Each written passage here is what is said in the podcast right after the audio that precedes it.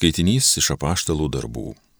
Anomis dienomis, matydami Petrą ir Joną drąsiai kalbant ir patyrę, kad tai paprasti beraščiai žmonės, tautos vadovai, seniūnai ir rašto aiškintojai labai stebėjosi. Jie atpažino juos buvus kartu su Jėzumi, bet žiūrėdami į stovintį su apaštalais pagydytąjį, neturėjo ką sakyti priešais. Tuomet liepė jiems pasišalinti iš teismo tarybos, o patys ėmė tartis. Ką daryti su šitais žmonėmis?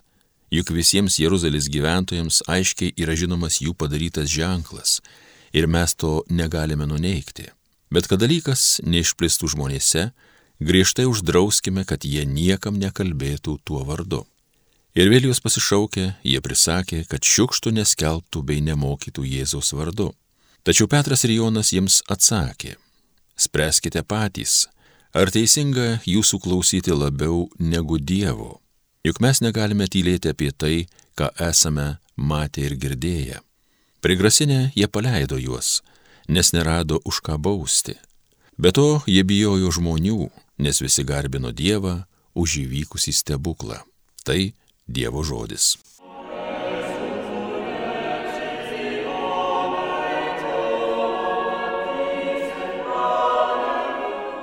Viešpatie, tau dėkoju, kad mane išgirdai Dėkokite viešpačiui, nes jisai geras, jis maloningas per amžius. Viešpats mano garbė, mano įstiprybė, jisai išganimas mano. Džiaugsmo išsivadavimo šauksmas, teisuolių sodybose girdis. Viešpatie tau dėkoju, kad mane išgirdai.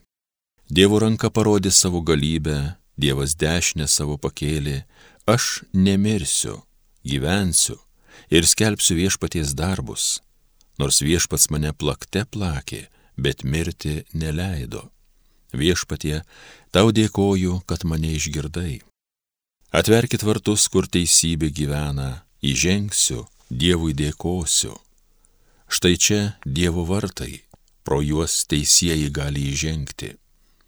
Dėkoju, kad mane išgirdai tu, kad esi vaduotojas mano. Viešpatie, tau dėkoju, kad mane išgirdai.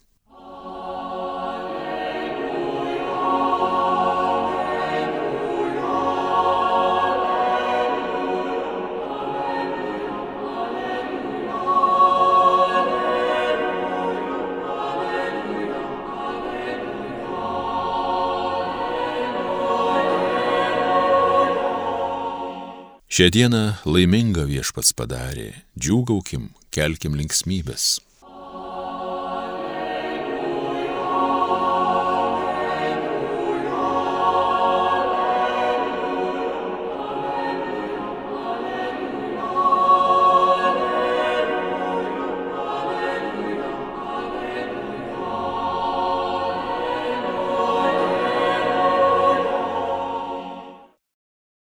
Iš Šventojios Evangelijos pagal Morku. Prisikėlęs anksti rytą, pirmąją savaitės dieną, Jėzus pirmiausia pasirodė Marijai Magdalietiai, iš kurios buvo išvarę septynis demonus. Ji nuėjusi pranešė jo bičiuliams, kurie gėdėjo ir verkė.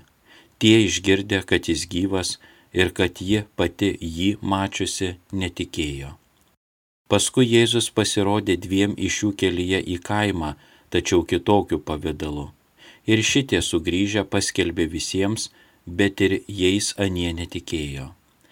Galop pasirodė visiems vienuolikai, kai jie sėdėjo už stalo, priekaištavo jiems už netikėjimą ir širdies kietumą, kad netikėjo tais, kurie buvo matę jį prisikėlusi.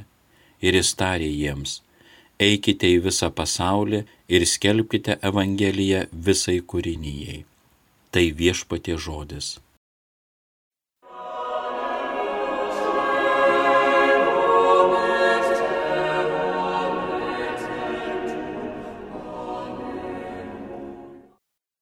Mėly Marijos radio klausytojai, visus sveikinu su Kristaus prisikėlimu. Aleliuja. Manoma, kad šios dienos ištrauka ir likusios penkios šio morkaus skyriaus eilutės, tai yra buvo perskaityta 16 skyrius ir likusios nuo 9 iki 20 eilutės yra netipiškos evangelistui Morkui. Pabaigos stilius skiriasi nuo visos Morkaus Evangelijos stiliaus ir dauguma senųjų rankraščių jos neturi. Galbūt paskutinis Morkaus rankraščio lapas žuvo ir Evangelijų perrašintojai pirmame ar antrame amžiuje užpildė jo vietą prisikėlusio Kristaus pasirodymų santrauką.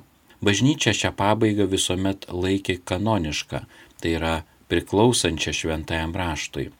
Kai kuriuose rankraščiuose po aštuntos eilutės pateikiama tokia trumpa pabaiga. Visa, kas buvo pasakyta, jos trumpai papasakojo Petro bendrams. Paskui ir pats Jėzus nuo saulėtekio iki saulėlydžio krašto per juos skelbė šventą ir nenykstamą amžinojo išganimo žinę. Amen. Pagal mums žinomus duomenis šios problemos galutinai įspręsti tikriausiai neįmanoma. Atsižvelgiant į tai, priimtinas požiūris būtų, kuris mažiausiai iššaukia prieštaravimo, matosi štai kur. A. Morkus samoningai užbaigė savo Evangeliją 16 skyriumi 8 eilutę. Ir B. Morkaus 16 skyriaus nuo 9 iki 20 eilutės, nors ir parašytos ar sudarytos nežinomo krikščionių autoriaus, yra istoriškai tikslios ir teisėtai trauktos į Naujojo testamento kanoną. Galima padaryti tokią išvadą. Labai anksti, galbūt netrukus po šimtųjų metų, 16 skyriaus nuo 9 iki 20 eilutės, kažkas prirašė, rašytojai nesistengiant padirbti morkaus stiliaus ir žodino. Galbūt šios eilutės buvo trumpa ištrauka iš visko, kas buvo pasakyta apie įvykius po prisikėlimo ir kaip jos atsispindėjo kitose trijose evangelijose. Žodinėje tradicijoje įsaugotas šias istorijas galėjo patvirtinti apaštalas Jonas, kuris buvo dar gyvas pirmojo amžiaus pabaigoje. Tokiu atveju šie duomenys galėjo būti įtraukti į perdavimo procesą pakankamai anksti, kad sulauktų bažnyčios pritarimo ir taptų Naujojo testamento kanono dalimi. Bet kuriuo atveju 16 skyriaus nuo 9 iki 20 eilutės puikiai dera su likusia šventojo rašto dalimi. Šerdis jungianti šį skyrių yra tikėjimo ir netikėjimo tema. Trys Jėzaus Kristaus pasirodymai po jo prisikėlimo Šiame skyriuje kalbama apie tris prisikėlusio Jėzaus Kristaus pasirodymus savo pasiekėjams, prieš jam žengiant į dangų. Pirmasis pasirodymas Marijai Magdalietiai ir mokinių netikėjimas. Šios eilutės netikėtai sugražina mus prie Marijos Magdalietės, galbūt jį vėl atėjo prie kapo, kuriai anksti tą patį Velykų rytą pasirodė Jėzus. Nors anksčiau ji buvo paminėta tris kartus, tai pačioj Morkaus Evangelijoje, tiek 15 skyriuje, tiek 16 pradžioje. Čia apie ją kalbama taip, lyg apie ją girdėtume pirmą kartą. Paaiškinama, kad tai ta pati Marija, iš kurios Jėzus išvarė septynis demonus. Viešpats pasirodė jai pirmajai, tai yra jis jai pirmajai tapo matomas. Iš viso to peršasi išvada, kad jo perkeistame kūne po prisikėlimo žmonėms nebuvo duota jį matyti tol, kol jis pagal savo valią nepasirodė jiems matomas. Marija nuėjo ir paskelbė tiems, kurie buvo su juo, tai yra bičiuliams. Tokio Jėzaus pasiekėjų apibrėžimo anksčiau nėra nei pas Morku, nei kitose Evangelijose.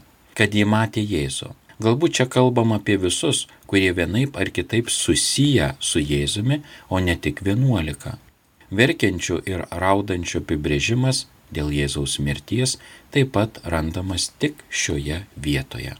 Išgirdę, kad Jėzus gyvas ir kad Marija Magdalietė matė jį gyvą, čia graikiškas žodis eteate niekur kitur pas Morko Evangelijoje nesutinkamas. Nepatikėjo veiksmažodis epistesan, kurio taip pat nėra kitose Morkaus Evangelijose vietose jos žinia. Tikriausiai netrukus po to Jėzus pasirodė dar dviems moteriams, patvirtindamas angelo žinę ir liepė joms apie tai pasakyti jo mokiniams. Antrasis Jėzaus pasirodymas dviems mokiniams ir likusiųjų netikėjimas. Šios eilutės trumpai pasakoja apie dviejų mokinių kelionę į Emausą. Žodžiai tiems dviems rodo, kad šiedu buvo iš tų, kurie nepatikėjo Marijos žinia. Taigi Jėzus jiems pasirodė kitokiu pavydalu - kelyje, kai jie ėjo į Emausą. Tai gali reikšti, kad jis nepasirodė jiems tokiu pat pavydalu, kaip prieš tai prieš Mariją Magdalietę arba kas labiau tikėtina, ne taip, kaip jie pažino ir matė jį prieš nukryžiavimą. Kai šie mokiniai grįžę pranešė kitiems mokiniams, jie taip pat jais nepatikėjo. Matyt, nepaisant liudininkų teiginių, mokiniai iš pradžių mane, kad Kristus, pasirodęs po nukryžiavimo, yra ne kas kita kaip vaiduoklis. Ir trečias Jėzaus pasirodymas - vienuolikai ir priekaištas jiems dėl netikėjimo. Galiausiai graikiškame tekste yra prieveiksmis lyginamuoju laipsniu hysteron, niekur daugiau pas Morko Evangelijoje nesutinkamas. Galbūt tą pačią dieną Jėzus pasirodė visiems vienuolikai, kai jie vakarieniavo, kaip galima suprasti iš Luko Evangelijos, ir priekaištavo graikiškame tekste veiksmažodis oneidysen, labai stipriai skambantis niekur kitur nevartojamas Jėzaus atžvilgiu dėl savo netikėjimo ir širdies kietumo, kad jie atsisakė tikėti tais, kurie matė jį prisikėlusi. Išgirdę apie Jėzaus Kristaus prisikėlimą, net jei jo nematė savo akimis, mokiniai turėjo patikėti liudininkų liudėjimais, kaip tai būtina visiems, kurie gyveno ir kurie gyvens po jų, kuriuos pasieks liudimai apie prisikėlusi Jėzų. Pabaigoje šios dienos ištraukos Jėzus įpareigoja savo pasiekėjus. Tada Jėzus vienuolikai apaštalų pasakė, eikite į visą. Graikiškame tekste šis paskutinis žodis pabrėžtinai išskirtas. Pasaulį ir skelbkite, pažodžiui tarsi praneškite, Evangeliją visai kūrinyjei. Visai kūrinyjei tai yra visiems žmonėms, nes tik žmogus gali mąstyti tik žmogui duotas mąstymas. Tad, mėly tikintieji, mes irgi nematę prisikėlusio gyvo Jėzaus Kristaus. Turim patikėti. Per du tūkstančius metų bažnyčia, šventieji, liudininkai, vyrai ir moteris gyveno šią žinę.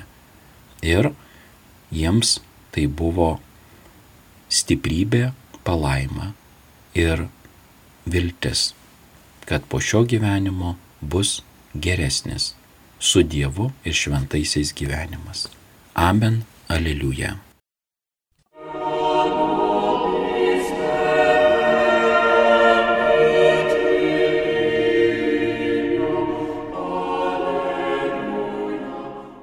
Homilija sakė kunigas Juozas Fakėjevas.